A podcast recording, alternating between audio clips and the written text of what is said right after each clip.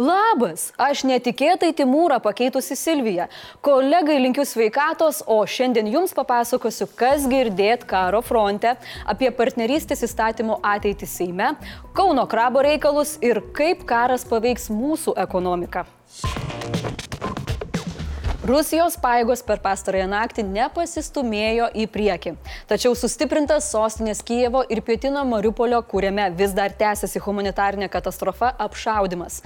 Pasak Zelenskio, sovietinės išgamos jį verčia pelenų krūva. Apie sovietinės išgamas aš pati pridėjau. Ukrainos vicepremjerė Irina Vereščiuk paskelbė, kad šiandien šalyje veiks trys humanitariniai koridoriai iš Mariupolio.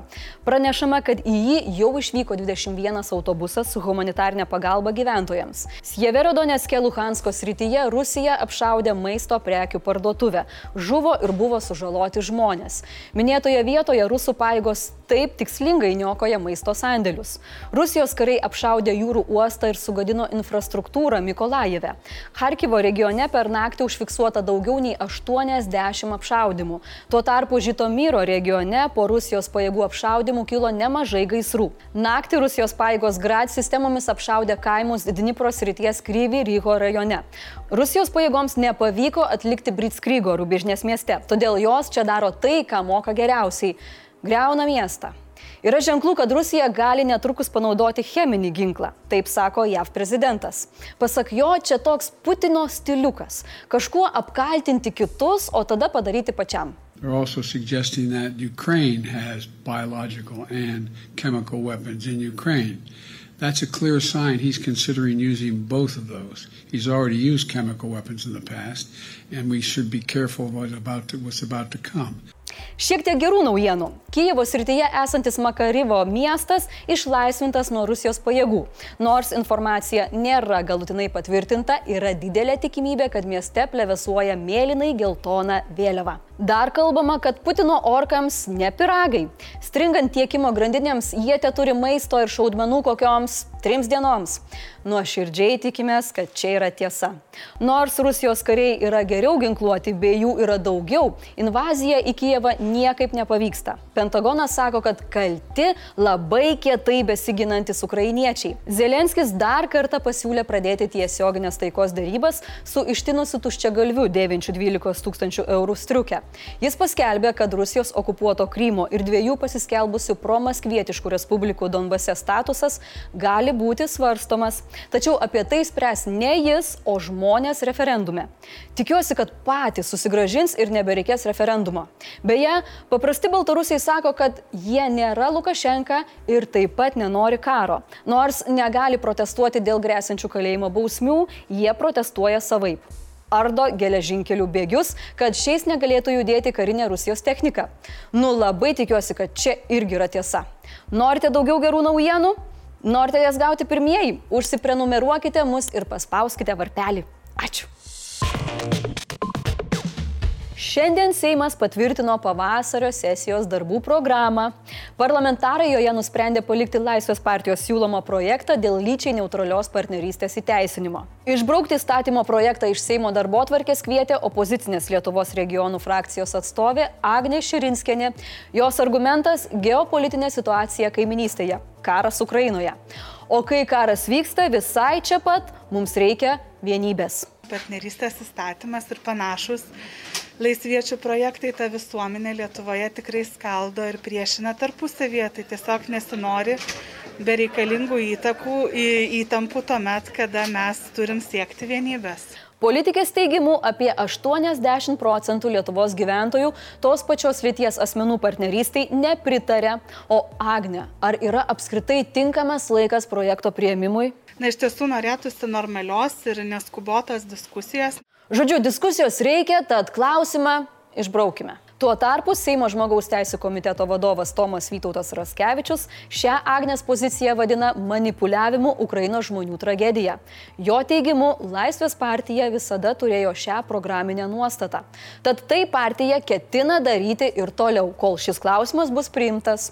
Tai buvo patvirtinta. Tai nu partnerystės įstatymas vis tiek e, Seime pavasarį bus, bet kokiu atveju, kaip šiandien pasibaigs balsavimas. Širinskinė žurnalistams papasakojo, kad Laisvės partija šį įstatymo projektą bando išgelbėti, lauždama koalicijos partneriams rankas. Laisviečiai turėtų papasakoti, kaip jiems sekėsi vakar ir, ir praėjusią savaitės pabaigoje koalicijos partneriams laužyti rankas. Tai visi puikiai žinom, kad yra keliami ultimatumai, jog jeigu bus išbraukta iš darbų programos, tiesiog Laisvės partija pasitrauks iš koalicijos. Į tai sureagavo premjerė.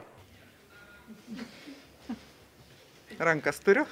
Tai gal ne, gal ne jums laužė? Tai nieko negaliu ir pakomentuoti, aš rankas turiu. Aušrinė Armonaitė reagavo štai taip. Aš nežinau, gal kažką praleidau per naktį. Ar Agnė Širinskė neprisijungė prie valdančiosios koalicijos, kad žino, kas yra kalbama valdančiojo koalicijai. Nekomentuosiu šitų, šitų jos pamastymų. Tačiau komentarų ji turėjo apie Širinskinės norus.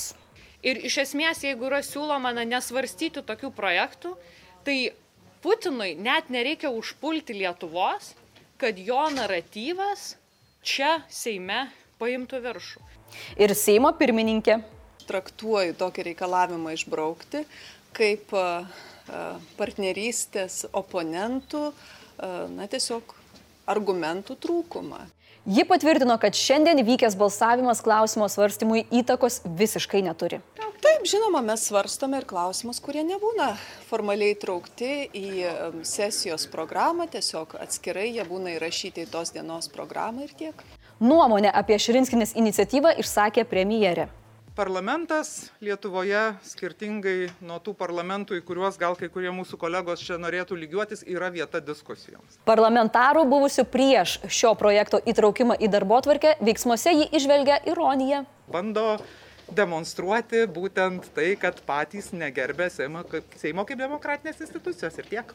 Širinskinės komentarai šią temą iššaukė ir pilietinę akciją prie Seimo. Vakar nepriklausomybės aikštėje susirinkę žmonės reiškė palaikymą partnerystės įstatymui ir kvietė kovoti už LGBTQ plus žmonių teisės.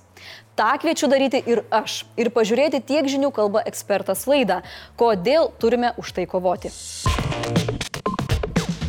Ar žinojot, kad krabų lasdelėse nėra ne tik krabų, bet ir atsakomybės? Pasirodo, tai tiesa.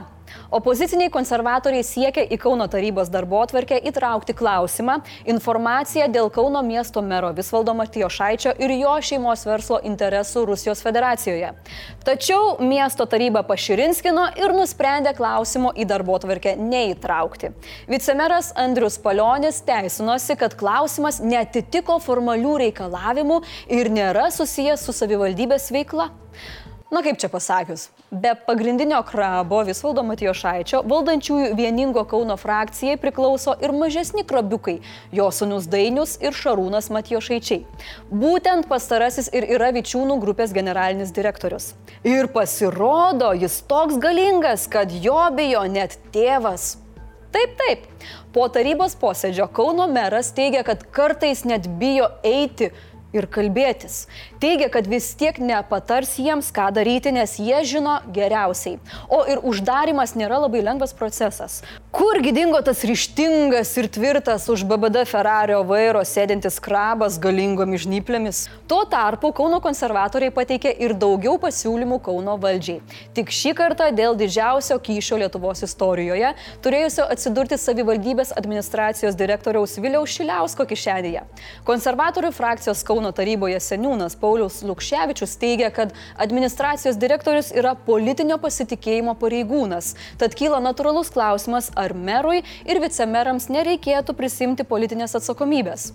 Valdantieji teigia, kad ne, nereikia. Viskas ok.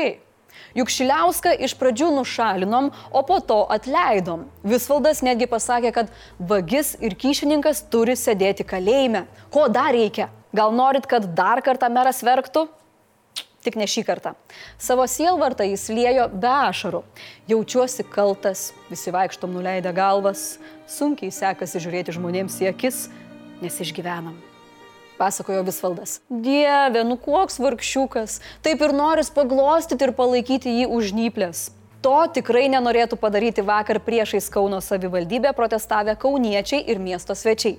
Plakatus laikė keli šimtai žmonių kvietė merą atsitokėti, na arba sekti paskui rusų karinį laivą visiems žinoma kryptimi. Aišku, einant šonu, kaip krabų ir priklauso. Gali būti, kad meras neįsi jokias darybas. Mes netgi turim jo reakcijos į protestus vaizdo įrašą.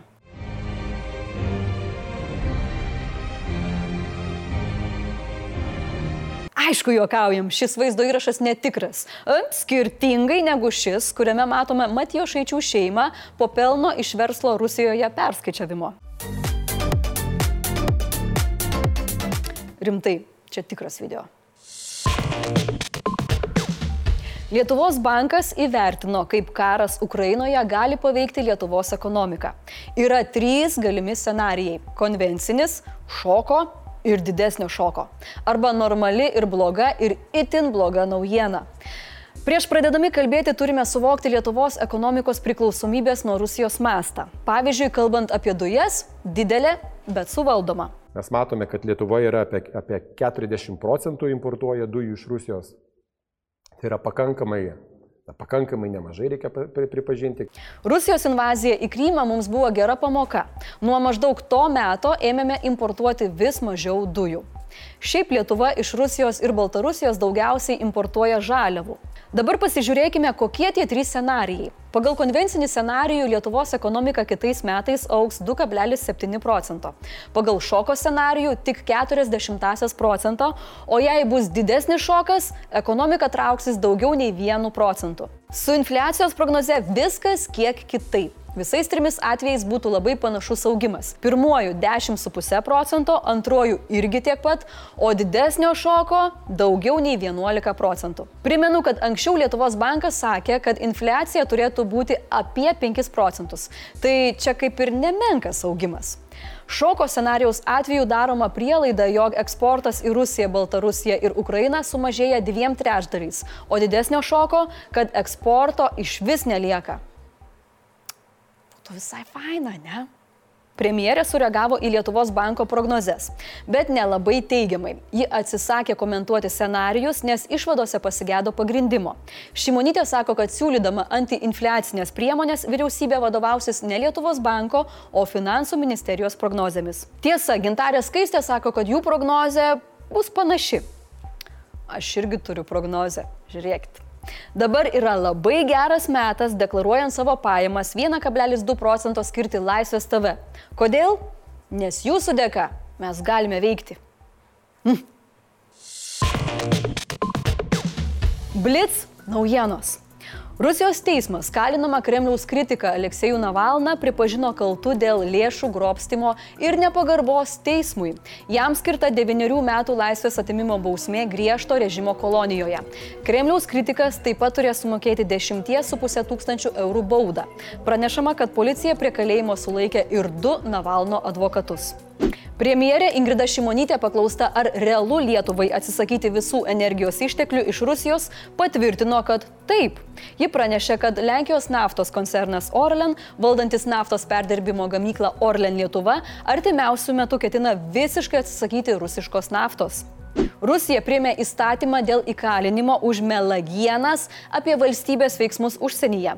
Numatoma bausmė - laisvės atimimas iki trejų metų. Jei melaginga informacija sukels rimtesnių pasiekmių, už tai grės iki 15 metų nelaisvės. O štai šitam katinui matosi visiškai trūksta kultūros. Vietoj užuojautos sergančiai šeimininkiai jis pasirinko patyčias.